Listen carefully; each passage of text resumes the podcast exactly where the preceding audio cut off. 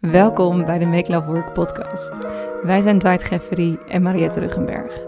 En we nodigen jou uit om levenskunstenaar te worden. Om de liefde en het leven ten volste te ervaren en op een manier in te richten die bij jou past. In elk gesprek herstellen we het vergeten weten. Dat ene belangrijke inzicht dat al in jou zit, maar weer even gespiegeld mag worden.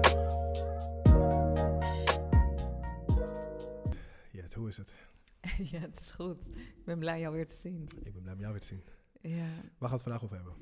Eh, ja over de, de invloed die we hebben. Mhm. Dus kun je een wereld beïnvloeden die niet te beïnvloeden valt? Ja. Ehm, dus daar zit impliciet al het antwoord in. misschien ook niet. Misschien komen we misschien gaan, niet. we gaan nu echt het gesprek achter dat het antwoord toch misschien iets anders is. Ja, maar jij en ik, we praten natuurlijk heel veel over de liefde. Ja. En ik ben zelf ehm, relatiecoach, relatietherapeut, maar ook businesscoach. Omdat ik natuurlijk ook een bedrijf heb opgebouwd rondom liefde en relaties. En daar dan ook mensen in begeleid. Ehm, en dat zijn eigenlijk twee vlakken dat mensen naar je toe komen en vragen van... hey, goh, ehm, ik zou een werkleven willen of een liefdesleven willen. ehm, eigenlijk die ik inricht volgens mijn condities. Mhm.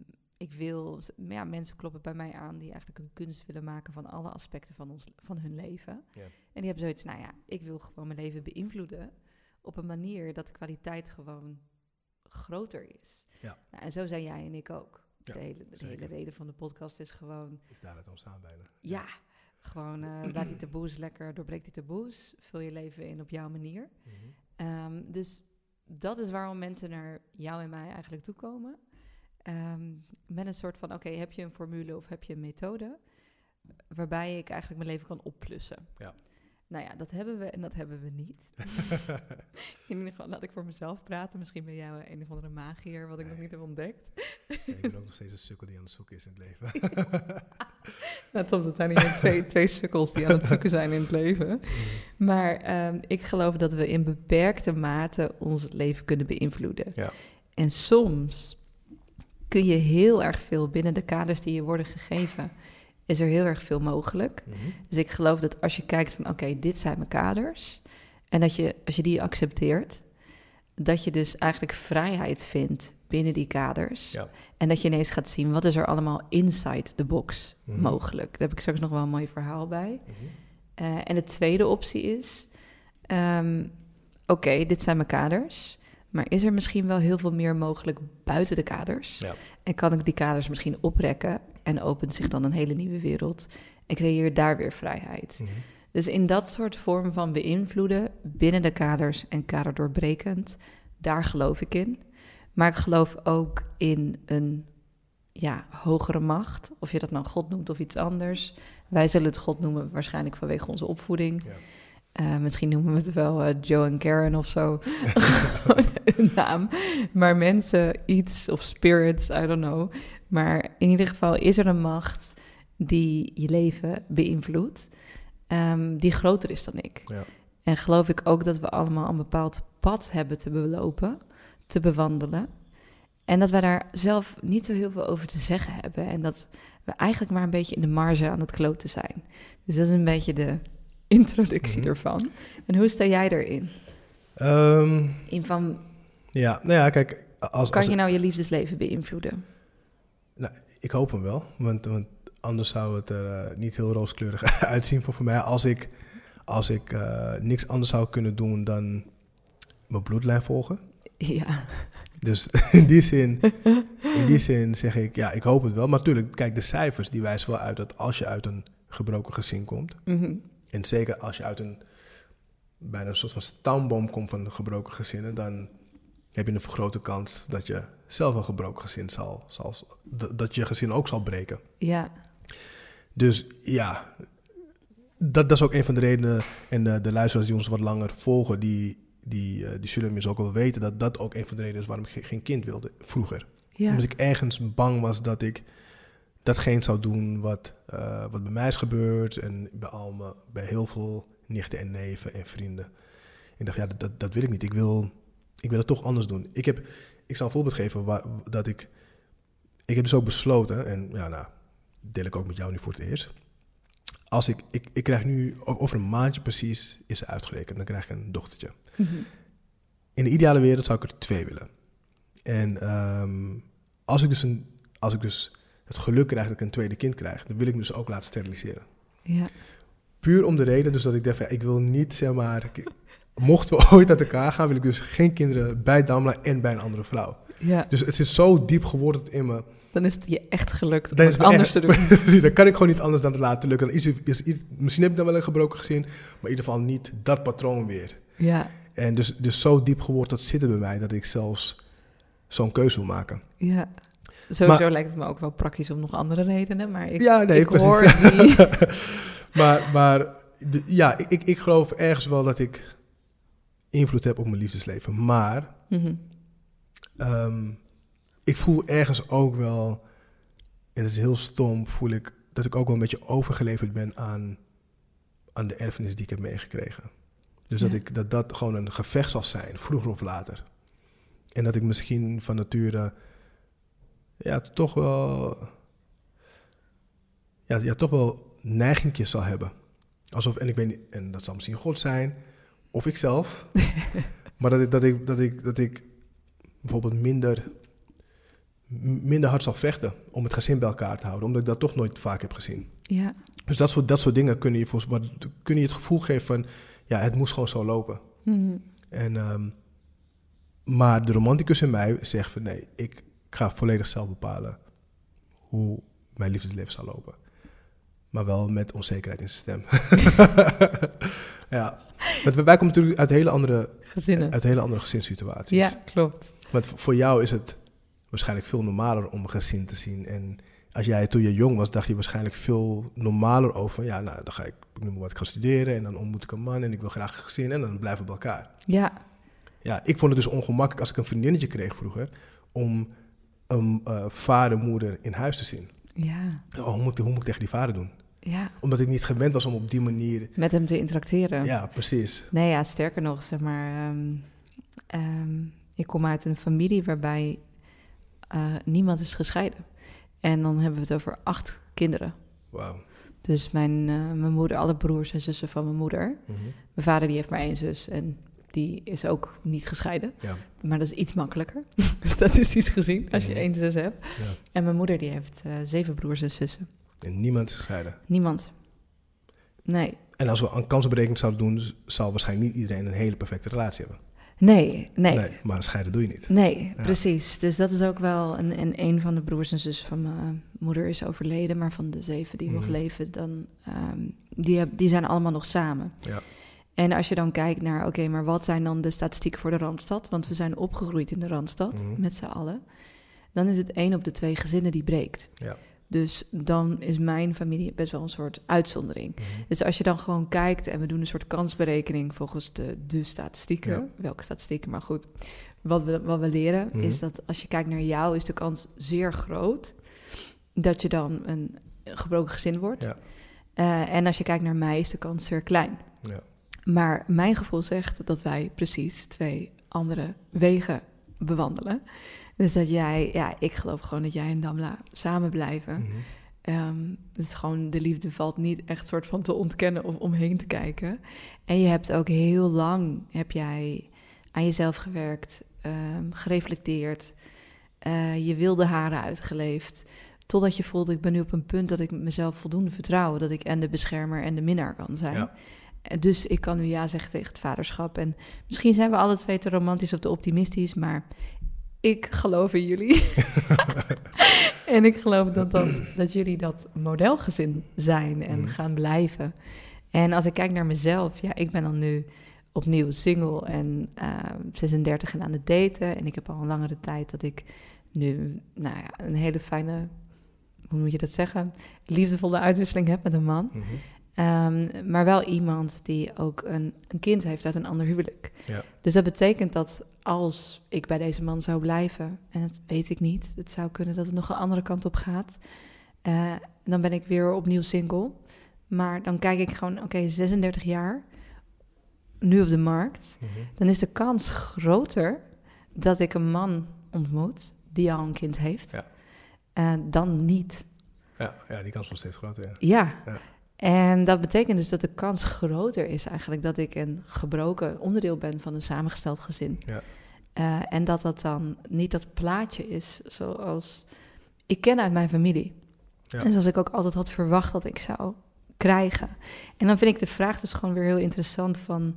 ja, is dat modelgezin wat we dan zo hebben en waar ik dan ook uitkom... Mhm. is dat wel het Walhalla? Of, eh, of misschien zeg ik nu een heel verkeerde term ervoor... maar is dat dan wel dat hele mooie plaatje wat je na Ja. zou moeten streven? Nou ja, ik, ik, ik, denk dat je... ehm, je hebt misschien een, een bepaald ideaal beeld omdat, omdat je of niet beter weet... Mhm. eh, of omdat dat misschien ook wel gewoon jouw ideaal is. Het kan natuurlijk ook dat je dat gewoon het liefst wilt. Ja, En want ik, ik wilde ook het liefst een gezin starten met iemand die ook die geen kinderen had. Dat we Mhm. allebei die hele nieuwe ervaring hadden. Maar wat je zegt, naarmate je ouder wordt, wordt die, wordt die groep wordt wel steeds kleiner. De, de, Ja. de, de kinderloze vrouwen en in jouw geval de kinderloze mannen, die, die, dat, dat wordt wel steeds kleiner. En dan ga je misschien toch meer kijken, oké, wat vind ik nou echt het belangrijkst? Ja, ik, ik wil gewoon een, fijn, een fijne relatie hebben. ja. En dan is, is het dan zo dat je dan ook water bij de wijn doet? Dat, dat vraag ik me af. Doe je dan water bij de wijn omdat de opties minder worden? Ja, nou, ja, de vraag is: doe je water bij de wijn als je kiest voor een gebroken gezin of Precies, een samengesteld gezin? En dat vind ik, denk ik, het modelgezin wordt denk ik ook overrated. Eh, omdat er Ja. uiteindelijk wil je een functioneel gezin. ja. En hebben we dan het plaatje bedacht dat het modelgezin, dat dat dan het, het eh, functionele gezin is. Mhm. Terwijl, nou, ik zou ook heel veel dingen kunnen zeggen dat het gezin waar ik uitkom. En ik ben super trots op mijn ouders, hè, op hoe zij het ouderschap doen. En ik zie ze ook echt als voorbeeld. Maar ik zou ook genoeg verhalen kunnen vertellen dat wij een dysfunctioneel gezin zijn. Ja. En, eh, maar wel voldoen aan het plaatje. Mhm. Dus ik denk dat het, dat plaatje wat we maken, dat dat een misschien ook zelfs wel een westers plaatje is. Ja. Want als je kijkt naar verschillende culturen, zijn er ook heel veel andere plaatjes no- mogelijk. En vind ik dat ook het leuke aan deze tijd, dat er, nou, dat, dat heilige huisje van het traditionele huwelijk, dat wordt gewoon gebroken. Mhm. En er zijn heel veel vormen mogelijk. Er is altijd al in de maatschappij zijn er meer single vrouwen dan mannen geweest. Ja. Als je dan een monogame cultuur hebt, dan heb je dus een probleem. Mhm. Want dan zijn er dus een aantal vrouwen die, die blijven Die over. blijven over, ja. Maar als je een niet-monogame cultuur hebt, heb je geen probleem. Ja. En als je vanuit je cultuur eigenlijk de opvatting hebt van nou, we voeden een kind op met verschillende vaders en verschillende moeders. Mhm. eh, en dat is een functioneel gezin. Nou, dan is er dus helemaal niks aan de hand als je een samengesteld gezin bent. Ja. Want dan denk je, ja, prachtig, dat doen we samen. Ehm, en je zou dan ook kunnen zeggen van, goh, wat een belasting als je een modelgezin bent. En dat moet je wel maar allemaal alleen doen. Dus er zijn heel veel manieren waarop, je er naar kunt kijken. En ik denk dat over zowel het modelgezin als een samengesteld gezin... dat je nooit één op één kan zeggen, dat is dysfunctioneel. Dus dat is denk ik één. Dat je gewoon echt per situatie kan kijken, functioneert dit? Ja. Ook al is het anders dan het plaatje. En als tweede denk ik, als je kijkt naar iemands verleden... je bent met iemand aan het daten... dan ga je altijd eventjes zo kijken van nou... hoe, eh, hoe zit het met je ouders? Uit wat voor gezin kom je? Hoeveel trauma's eh, kan ik hier tellen? Dan ben je toch ook een soort van calculatie aan het ja, maken ja. van... eh, oké, hoe groot de risicofactor... is- hoeveel rode vlaggen heb ik Ja. hier al waargenomen of niet? En ik denk dat iemands verleden ook niet altijd iets hoeft te zeggen over... ehm, of iemand bijvoorbeeld een hechtingsprobleem heeft. Mhm.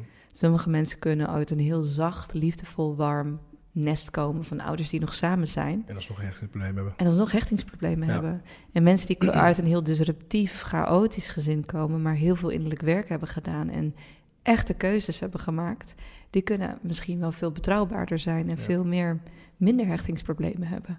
Dus daarin weet je het ook nooit. Nee, en ik denk ook, moet ik er daar een tijd terug een- gesprek met Damlo over. En ik weet niet of, of ik dit had gedeeld in de podcast. Ik zei ook van, ik wil het liefst dat we nooit uit elkaar gaan. Ja, dat heb je gedeeld. Maar wel van, oké, maar stel dat, we, dat de romantiek wegvalt. Weet je, dan... dan Ja. Dus je dat- wil gewoon altijd met haar gezin zijn. altijd met haar gezin zijn. Ja. En, en dan, dus, dan, dan treed ik wel ergens in de voetsporen van eh, ja, mijn ouders, in Ja. zekere zin. Ja, Alleen dan Wel gesteriliseerd. Wel gesteriliseerd. en, en, en, en, en to- toch wel met een, met, een, ehm, met een bepaalde openheid die er dan in mijn gezin niet was. Hmm. Dus, dus het is, ja, natuurlijk, het liefst wil ik een, een, een, een, het, het ideaal beeld van een gezin, man, vrouw, kind, of in, in ons geval. Ja. Maar tegelijkertijd, ja, ik besef wel dat, dat, dat dingen kunnen veranderen. En, en, en dat heeft voor mij ehm, die, de angst van shit, ik weet niet of ik ga kunnen voldoen aan, aan het ideaal beeld, want ik weet waar ik vandaan kom. Ik weet uit wat voor, ik weet wat er bij ons in de familie gebeurd is. Dat heeft me wel, heeft me wel een soort van rust gegeven van, oké, maar we kunnen ook gaandeweg een beetje tweaken aan, Mooi. aan wie we zijn. Het zit, het zit niet een soort van in steen gegraveerd van... dit is waar we nu voor tekenen, voor altijd. Of je, kan, of je elkaar ook kan uitstaan of niet. Dit is het. Want ik denk dat dat... Dat heb ik best wel vaak gezien. Hmm. Dat, er- dat dat heel veel... eh, dat soort van heel veel duistere geheimen... en hebben we wel eens over gehad in de, in de podcast... Ja. heel veel duistere geheimen zijn in op het oog... hele brave monogame gezinnen. Ja, klopt. En Het, mo- het heilige het- huisje, het- het, modelgezin. ja, het model Wat eigenlijk heel dysfunctioneel is. Exact. Maar heel mooi functioneel uitziet. Ja. Ja. Dus, dus ik, ik, ik denk dat, ehm, ja, dat, dat je de, de vrijheid die we nu gelukkig tegenwoordig hebben, is dat je kan praten over hoe je, hoe je het zelf invult. ja, En dat, heeft voor mij, en dat heeft voor mij heel veel vrijheid. Want ik voelde ergens toch best wel veel druk. Ja, dat snap ik. Ik voelde heel veel druk. Is het je eindelijk gelukt? Ja, en moet je het nu gewoon de hele tijd in stand houden. Ja, want, want De komende exact. 40 jaar van je leven of meer. Precies, want anders, anders, want als dat niet gebeurt, dan ben ik, oh zie je wel, je bent gewoon weer Ja, zoals je ooms en je vader en zoals de rest van iedereen. en het begon zoveel belovend. Precies. En, dat, en dat, ik merk dat dat best wel veel druk met zich meebrengt. En ik denk dat heel Ja. veel mannen dat hebben van... Ja, ik, ik, ik stap er echt met de, met de juiste en met de beste intenties in. ja, Maar ga, ga ik altijd zo kunnen denken of me zo kunnen voelen of me zo kunnen gedragen? mhm. Ja, weet ik niet. nee. En, en daar, daar durf je misschien niet over te praten, want het is niet een heel romantisch gesprek natuurlijk. Want je praat over iets als de romantiek weg is. Ja, Ja, daar ga je er weer niet over praten als de nou romantiek schat, er is. ik wil eventjes iets... Ja. mag, maar... Precies, dus het is, het is, ik, ik- vind het, ik vind het heel belangrijk dat daar nu veel meer ruimte voor komt. Dat we Ja. kunnen zeggen, oké, wat is het ideaal, het modelgezin? Wat is het modelgezin voor jou? Ja, En, en is het iets waar, waar je... ehm, is, is je toekomst, is dat soort van getekend? En, en, en kan je niet anders dan, dan, dan zijn wie, wie je bent? Of mag je gaandeweg tweaken als je voelt van, oh, ik ben nu dit? ja. En, en ja, daar kan ik gelukkig met Damla goed over praten. Ja, zeker Ja. weten. Ja. dat is heel fijn. En ik denk dat je dan altijd, als je gewoon bereid bent om de plaatjes die je hebt gecreëerd te laten breken, omdat je merkt eh, de echtheid en de waarheid Mhm. die verliest als we Ja. dat in stand blijven houden. Ik wil altijd gewoon zo dicht mogelijk bij de waarheid leven. Ja.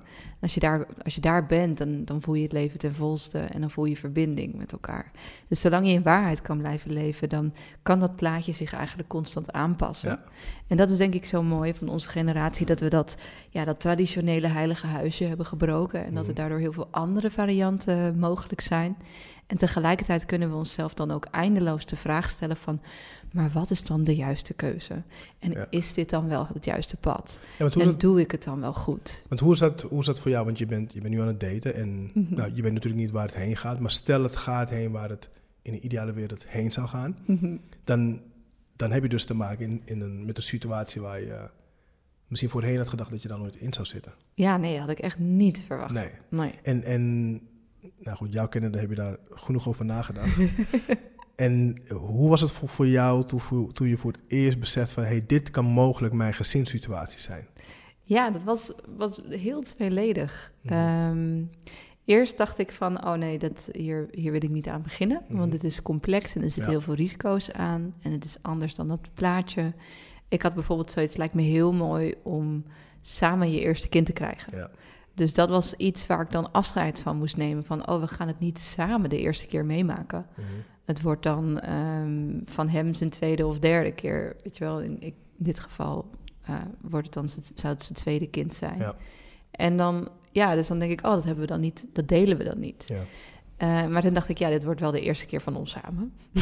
dus dan komt er, komt er weer zo'n soort gedachte. Ja. Ehm, dan verder de gedachte van, eh, nou, deze man die weet wat het ouderschap inhoudt, die kiest er nog een keer voor. Dus die weet wel waarvoor hij tekent. Ja. Kan ook al zien hoe hij het doet. En ik vind dat het een geweldige vader is. Mhm. Dus ik kan ook al wel zien wat voor vlees ik in de kuip heb, zeg maar. Dat is natuurlijk wel een voordeel. En dat is wel een voordeel. Ja. En, ehm, en het voordeel is, is dat hij dus ook gewoon heel veel ervaring heeft. Ja. Tegelijkertijd is ieder kind uniek en sta je elke keer weer bij nul. Dus dan is het gewoon, oh, oh oké, hoe werkt dit kind? Zelfs als je je derde kind moet je gewoon weer opnieuw leren kennen. Ja. Hoe, En- hoe en gebeurt dit? Ook in verhouding tot, tot jou natuurlijk. Klopt. Dus het, maar het heeft wel voordelen, want gewoon heel veel dingen weet hij al, heel veel bergen, weet je wel, heel veel levensstijlaanpassingen die je moet maken en mindset switch die je moet maken, die Mhm. heeft hij al allemaal gemaakt. Dus daarin heb ik zoiets van, oké, wauw. Hij brengt eigenlijk al deze ervaring, brengt hij mee. Ja. Eh, dat is heel fijn. En tegelijkertijd voelde ik dan ook weer onzekerheid. Dat ik dan dacht, maar ik wilde de beste moeder zijn. Ja. En dacht ik, huh? Het is toch geen competitie? Ja. Dus allemaal hele grappige gesprekken in mijn eigen hoofd. Dat ik dan dacht van, oh, dan ja, is hij daar beter in dan ik? Of dan loop ik te stuntelen, want het is mijn eerste keer en hij dan niet. Mhm. Terwijl ik juist eigenlijk een beetje wilde shinen in mijn rol als Van, moeder. kijk, kijk wat voor moeder ik ben. Ja, en dan dacht ik, oeh, daar ga ik me dan heel vaak onzeker voelen. Nou ja, oké, dat is goed. Ehm, dat mag. Ik mag me onzeker en kwetsbaar voelen en het is fijn dat hij dan wat meer meters heeft gemaakt. Mhm. Dus zo zijn er dan eigenlijk heel veel gedachten. En toen vervolgens switchte ik weer. Ik switchte zo de hele tijd van romantisch naar sceptisch, realistisch, een beetje kritische blik. Ja. En de romantische dacht ik, oké, wauw, nou dan mag ik gewoon bonusmoeder zijn. Eh, ik vind dat iets heel moois. Mhm. Ehm, oprecht, want ja, ik hou gewoon heel erg van kinderen. dus ja, ik vind het echt een super cadeau dat er een andere vrouw voor mij een kind, niet voor mij, sorry, dat mag ik echt niet zo zeggen, maar dat een andere vrouw een kind heeft gebaren Ja. en dat ik af en toe in de aanwezigheid van het kind mag zijn. Mhm. Dus dat vind ik een cadeau. Maar tegelijkertijd is het ook weer zo. Ja, hoe vindt zij dat? Precies. Wil ze wel dat ik... ehm, ik zal me niet bemoeien met de opvoeding, want dat is niet mijn plek. Ja. Ik zou gewoon een heel liefdevol bonusvrouw zijn. Ja. Ehm, maar ja, ik hoop dat zij dat oké vindt. Ehm, en ik hoop ook dat ze ervaart dat ik een positieve invloed dan heb op het kind. Mhm.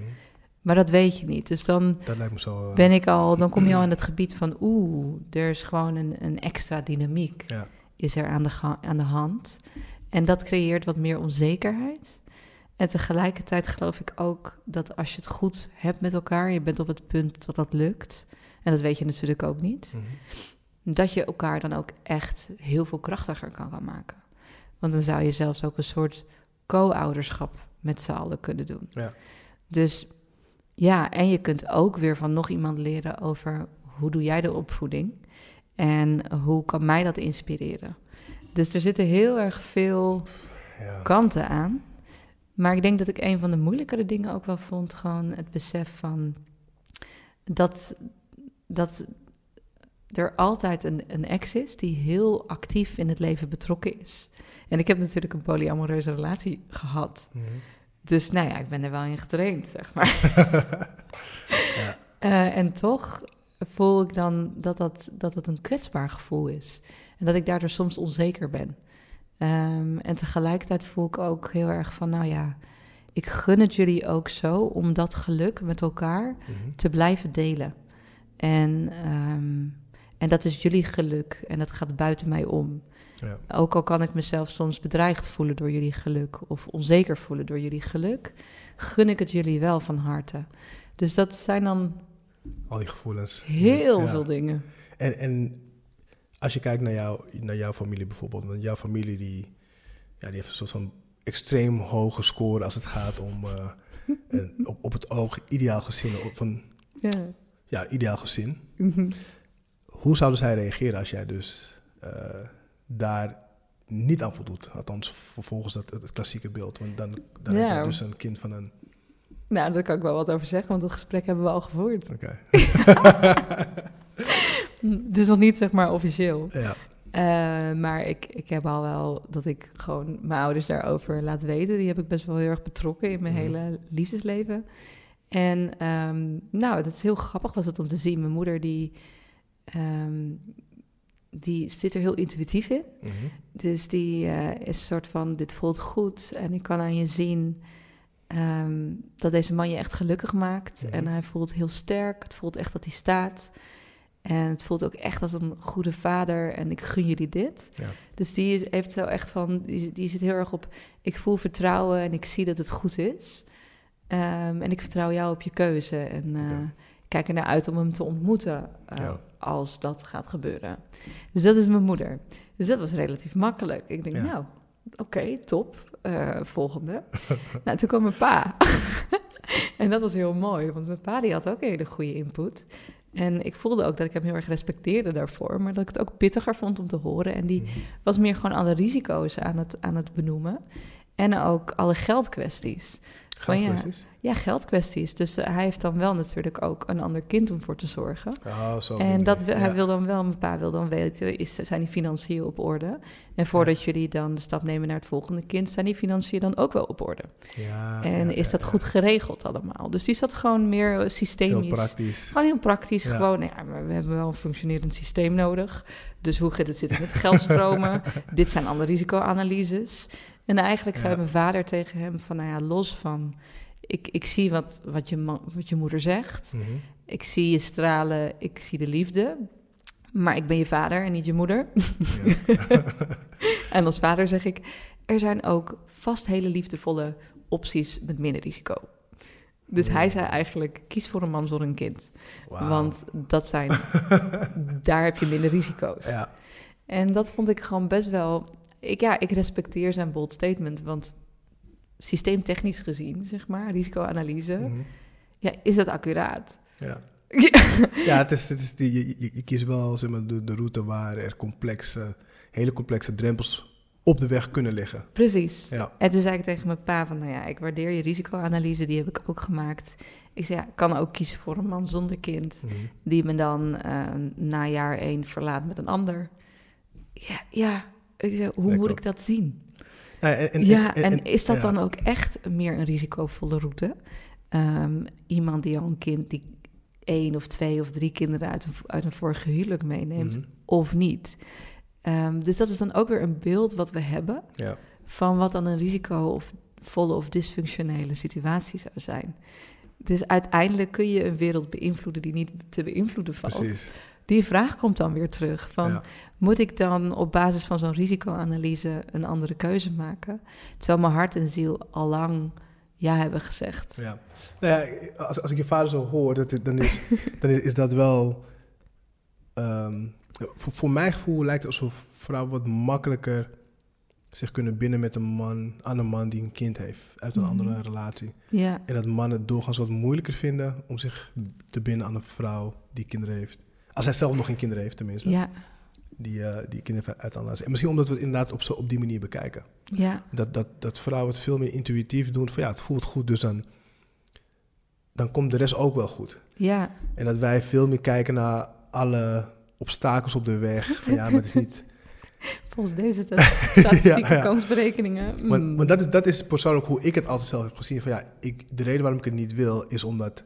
Ik, heb, ik sprak nooit over de liefde eigenlijk. Nee, Ik sprak nooit over... Ik, ik dacht nooit na over van ja, maar misschien kan ik ook heel veel gaan voelen voor het kind. ja, Ik dacht ei- eigenlijk alleen maar na over alle obstakels, over alle de, de complexe relaties. Dat, dat ik ineens ook te maken krijg met een vader die, waar ik altijd mee te maken zou blijven hebben. Ik dacht, ja, ik heb er helemaal geen zin in. nee. Ik, ik, wil, ik wil het niet. Ik, ik- en ik, ja, dus ik, ik begrijp je vader heel goed. Want Mhm. ik, ik dacht, slash denk namelijk ook zo als man zijn, als ik nadenk over... Ja, het systeem waar je dan, Ja. systemische. En mijn moeder die zat dus op een heel intuïtieve Ja, gevoelsmanier in.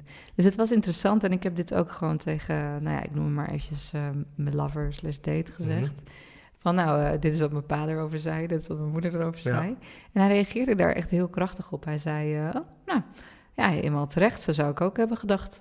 Toen ik het vertelde van mijn Mhm. pa. Zij zei, ja, ik kan hem helemaal volgen. Goed zo, risicoanalyses. ja, En hij voelt ook wel dat hij gewoon welkom is. ja. Gewoon vanuit beide ouders. Maar dat ze gewoon alle twee... Mijn moeder zet een moederpet op. Mijn, pa, mijn vader zet zijn vader zijn pet op. Mhm.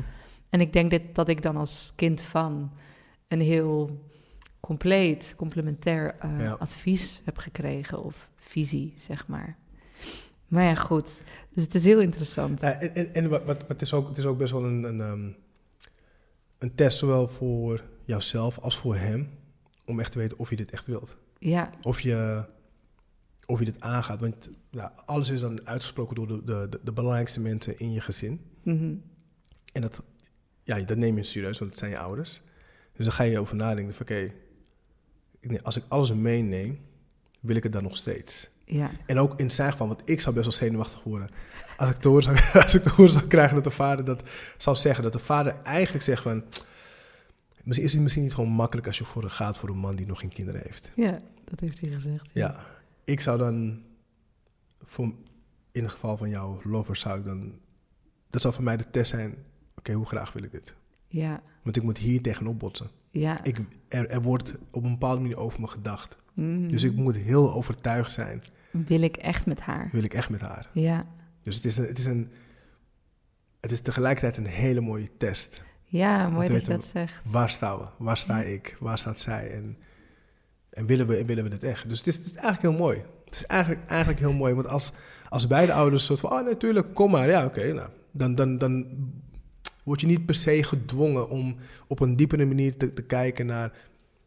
Ja, oké, tussen ons zitten we goed, maar we gaan wel Ja. iets, iets aan wat, wat misschien niet het makkelijkste is. Dus het is, het is nu, ik, ik zie, ik zie de, de, de meerwaarde van wat je vader heeft gezegd, zie ik nu nog dieper in. Nou, wat mooi. Ja, Ja, ik vind het ook wel mooi. En uiteindelijk, zeg maar, als je dan een pad bewandelt dat dan anders is dan het plaatje. Mhm.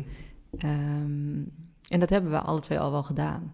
Dus ook dat jij als Surinaamse man pas op je 38ste je eerste kind verwacht. Ja. Dan heb je ook al wel gebroken met een plaatje. ja, ja, ja, dus eh, dat hebben we alle twee toch Ja. ook wel weer op onze manier gedaan. Maar als je daarvoor kiest om een route te bewandelen, of als het je dus overkomt, hè, want Mhm. je hebt niet altijd die keuze.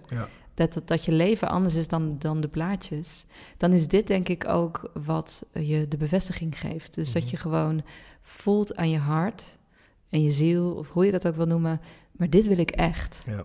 Ook al is het anders dan het beeld wat ik had bedacht, dit voelt goed. Ja. Eh, Ja. en, en je voelt ook dat wanneer je een plaatje in stand probeert te houden, wat je zo graag zou wensen, maar wat maar niet lukt, Dat misschien iets is wat je, dat het niet, dat het niet goed voelt. dat helemaal niet voor, jou is. Dat, je, Nee. dat, je, dat is iets wat je altijd hebt gezien, je hebt gedacht dat je dat wilde, Ja, maar dat je misschien helemaal niet wilt. nee, of misschien wil je het wel, maar wil het niet. Juist, ja, dat kan natuurlijk ook. En, Ja. en, en doe je alles eraan om dat plaatje in stand te laten houden, maar mag het gewoon breken. En, ook, en als je dat voelt, Mhm. want ik, ik heb natuurlijk ook een aantal dingen los moeten laten over bijvoorbeeld het niet samen willen wonen. Ja, Terwijl ik nog nooit had samengewoond. Dus dat is gewoon puur op basis van... geen idee waar dat vandaan kwam. Nee, ja, ja angst. Angsten. Omdat ik zag, alleen, ik zag alleen maar relaties heel shit worden op het moment dat, dat ze gingen samenwonen. Ja. Echt, echt. Dat het, de kwaliteit achteruit ging. Ik dacht, oké, nou goed, dan zou ik toch stom zijn om, om hier vol... Voor, voor- voor- ja, dan, dan zou het heel raar zijn als ik het allemaal om me heen zie. En dan vol voor te gaan. Dan denk ik, nou, maar misschien is het helemaal niet voor mij. Maar dat zijn dus die dingen waar, waar, waar je het net over had. Van, ehm, soms heb je een bepaald beeld over iets en, en, en, en dan ga je dat volgen. Maar blijkbaar heb ik wel willen samenwonen. Mhm. Maar wel op een hele specifieke manier. Maar goed, even terugkomen op, op, op wat jij zei. Hoe, hoe, ga, je, hoe, ga, je, hoe ga je daarmee om als, ehm, als het niet wilt? Weet je, als je dus Ja. ehm, iets voor ogen hebt en je probeert het, maar het, het wilt niet. Terwijl je het wel wilt. Ja, Hoe kan je daar dan het best mee omgaan? Want misschien weet je helemaal niet hoe je het op een andere manier moet doen. hoe zou jij het doen? Oké, dus stel dat ik iets wil, maar het wil niet. Ja, ik vind het echt moeilijk, want dan moet ik dus gaan zoeken. Dan, moet, dan ga ik op zoek naar iets waarvan ik niet eens weet wat ik, waar, waar- waar ik naar op zoek ben. nee. En wat zou ik dan doen? Eh, ja. Oké, ik, ik ga even een voorbeeld schetsen.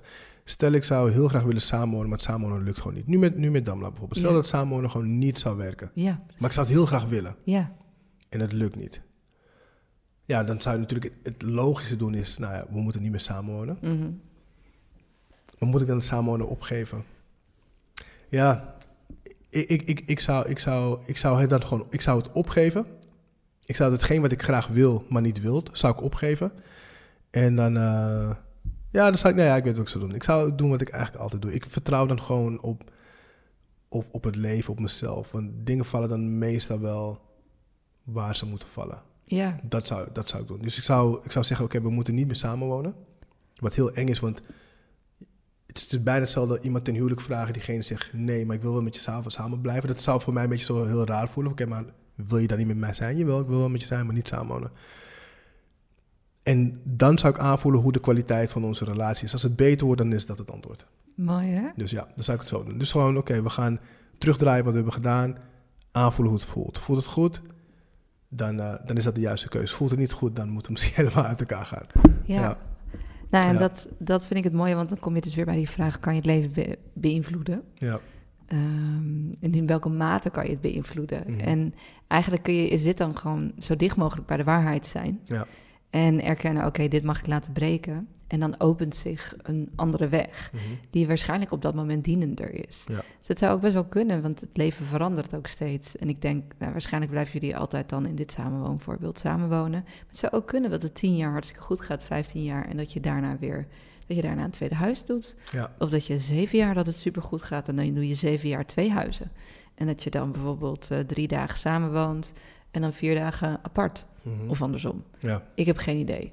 Maar zo is er heel erg veel mogelijk. En ik vind het wel mooi, want ik heb een vriendinnengroep waarbij wij eigenlijk allemaal um, de plaatjes die we hebben gemaakt uh, over de liefde, uh, over ons leven, vooral over ons liefdesleven en het gezin hebben mogen loslaten en mogen laten breken. Um, en dan ben je dus ja, per definitie niet meer het modelgezin. Ja. En um, wij vroegen ons dan wel, wel af in een beetje melodramatische bui, maar we waren niet, we waren niet in de slachtoffervibe. Maar hebben wij nou meer pijn dan de rest? Ja. In de zin van, ja, we hebben meer dingen moeten laten breken. Mm -hmm. En sommige mensen lijken gewoon, bijvoorbeeld mijn zus en misschien ook jouw zus, zoals jij daarover praat. Maar ja, mijn zus heeft echt zo'n leuke man. Ja. Het is niet normaal. Hij is super knap. De allerbeste vader ever. Hij is heel, heel leuk uh, met zijn zoons. Ook een hele leuke, liefdevolle, romantische lover, vind ik ook. Mm -hmm. Denkt aan bloemetjes, cadeautjes, weekendjes weg. Het, alles klopt, zeg maar. Ze Ja. wonen in een leuk huis in Leidschendam. Dus als ik gewoon kijk naar mijn, ja, naar mijn zus en haar man, ze zijn getrouwd, uh, ze hebben twee kids. Zij zijn helemaal het modelgezin. Dan klopt het gewoon. Zij gaan period bij elkaar blijven, Ja. zeg maar. Daar klopt het gewoon. Dus dat is dan het leven, zeg maar, van mijn zus. En ik voel geen jaloezie. Ik voel gewoon oprecht. Dat had ik, als ik dat had gevoeld, had ik dat gezegd. Mm -hmm. Uh, want ik ben gewoon een mens die ook jaloers kan zijn. Uh, maar voor some reason voel ik dat niet naar mijn zus toe. Zit ik gewoon, wauw. Ja. ik voel me trots eigenlijk op haar. Dus dat is gewoon een ander gevoel. En, uh, maar voor mij gaat het waarschijnlijk iets anders zijn. En het voelt heel kloppend bij mij, mm -hmm. bij mijn pad. Uh, ik hou van heel veel kleur, Ja. heel veel diepte, heel veel lagen. Uh, ik hou ook van een bepaalde vorm van complexiteit en uh, ook wel tegenslag. Omdat door wrijving ook heel veel glans ontstaat. Mhm. En je zou je kunnen vragen, heb ik dat dan opgezocht en heb ik het mezelf onnodig moeilijk gemaakt? Of is dit gewoon mijn pad? En het antwoord wat ik dan geef, weet je wel, van... Net als die vriendinnen hebben we het dan pijnlijker dan de rest. Uh, die dan wel dat ideale plaatje heeft, zoals mijn zus, zeg maar. Hebben wij het moeilijker? En dan denk ik, nou, misschien hebben we het moeilijker. Misschien hebben we het pijnlijker. Maar ik kan zien, dus als dat zo is, dan kan ik gewoon zien wat dat mij ook oplevert. Ja. Aan kleur, gelaagdheid en diepte. En um, dan blijft nog de vraag over, heb ik dan iets verkeerd gedaan? En dan voel ik gewoon bij mezelf, hell no. Ja. hell no. Want als er dan iets is wat voor mij boven water staat, is je kunt het leven deels beïnvloeden. Maar er is ook gewoon een pad wat voor jou is geschreven. Ja. En wat je dan heel actief kan doen is, wat verlang ik? Ben ik eerlijk over wat ik wezenlijk verlang? Wat wil ik dus? Mhm. Um, dan, wat wil er? en dat kan je voelen door, ja, moet je ergens, moet je de hele tijd, kost het te veel energie? Ben je te veel van het wilskracht? Ja. Of doe je dingen vanuit flow en wilskracht? Dus dat is een graadmeter. Gewoon ben je eerlijk over wat je wezenlijk wil. Neem je de, heb je de moed om de stappen te nemen? Mhm. En ehm, ontwikkel je tools om die stappen ook goed te zetten. Ja. Dus ik heb allerlei tools op het gebied van ondernemerschap, op het gebied van relaties, waardoor de relaties die ik in mijn leven heb gehad, hebben echt een hele hoge kwaliteit. Mhm. En als het gaat over mijn ondernemerschap, dan voel ik ook mijn leven en hoe ik mijn werk heb, heeft zo'n hoge kwaliteit. Maar dat komt gewoon ook vanwege de tools die ik heb geleerd, waardoor ik een betere ondernemer ben geworden. Ja, precies. En in de liefde heb ik ook tools geleerd, waardoor ik een betere geliefde ben geworden. Ja. Dus je kunt de kwaliteit van je leven wel degelijk beïnvloeden en upgraden. Maar het eindresultaat heb je gewoon geen invloed op. Nee. Ja, dat, dat, zo, zo voelt het ook echt bij mij hoor. Dus ja, dat is gewoon dan weer wat wil. het is, maar het is inderdaad de vergelijking tussen jouw zus en mijn zus. Zij, zij hebben een heel ander pad bewandeld. Ja, En, ehm, en ik, ik, ik kon soms wel jaloers zijn op mijn zus. In de zin van dat ik die... eh, ik kon jaloers zijn op de rust Mm. die zij soms voor mijn gevoel voelde. Van, ja. dit is gewoon wat het is. Ehm, heel veel zekerheid. Weet waar je naartoe gaat als gezin. En, en, en, en er is een groot verschil tussen, in mijn optiek tussen jaloezie en afgunst. Oh, zeker. En wat ik wilde, van, oh, ik, zou, ik zou ook zo graag die antwoorden nu willen hebben en weten ja. Waar ik heen ga. Ja. En, eh, maar ja, dat, ja dat, dat was niet het aard van het beestje. Mm. Achteraf gezien ben ik gewoon heel blij dat ik, dat ik het op mijn manier had gedaan. Want ik, ik, had, ik, had, ik had alles en iedereen kapot gemaakt als ik het op haar manier had gedaan. 100 procent. 100 procent. Dus je wilt iets wat helemaal niet van jou is. Nee, klopt. Maar je wil die rust hebben, omdat, Ja, omdat ehm, het is niet jouw pad. het is niet mijn pad. En je, je had het over of, je, of, of we meer lijden. Ja, ik, ik, ik denk het wel. Ja, hè? Ik denk het wel, maar... ehm, maar op het moment dat je dan accepteert van... Nou, maar dit is wel gewoon wie ik ben... dan valt het een beetje weg. Het lijden gebeurde, gebeurde bij mij vooral toen ik er tegen vocht. ja. Toen ik niet echt accepteerde van... Ja, maar bij jou loopt het gewoon anders. ja. En ik, ik, ik forceerde mezelf in een, in, een, in een model waar ik helemaal niet in paste. En dan prop je jezelf helemaal in en dan zit het krap en dan knelt het overal. En, op, tot, tot, op- en dan op een gegeven moment laat je het los. En er zitten nog steeds wel ongemakken bij. Maar dan ongemakken die je met liefde draagt. Want je weet van ja, maar ik voel me wel comfortabel. Ik voel me, ik voel me ontspannen. En ik, ik heb veel meer vertrouwen in, in hoe het gaat lopen. Dus, dus ja, ik heb, ik heb zeker wel jaloezie gehad in, in, wat, wat, dat betreft. Ja, Ik nog niet, maar dat zou best wel komen, kunnen komen. ja. Omdat ik tot nu toe eh, in relaties ben geweest die ook gingen zoals ik wilde dat ik ging. Mhm. Behalve dan natuurlijk bij Jos en Dion dat het uitging Mhm. en dat ik geen gezin had. Ja. Ehm,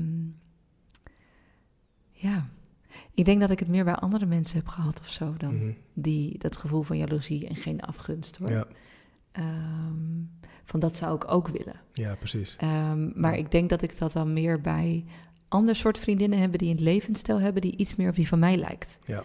Omdat de levensstijl van mij en mijn zus iets meer verschillen. Mhm.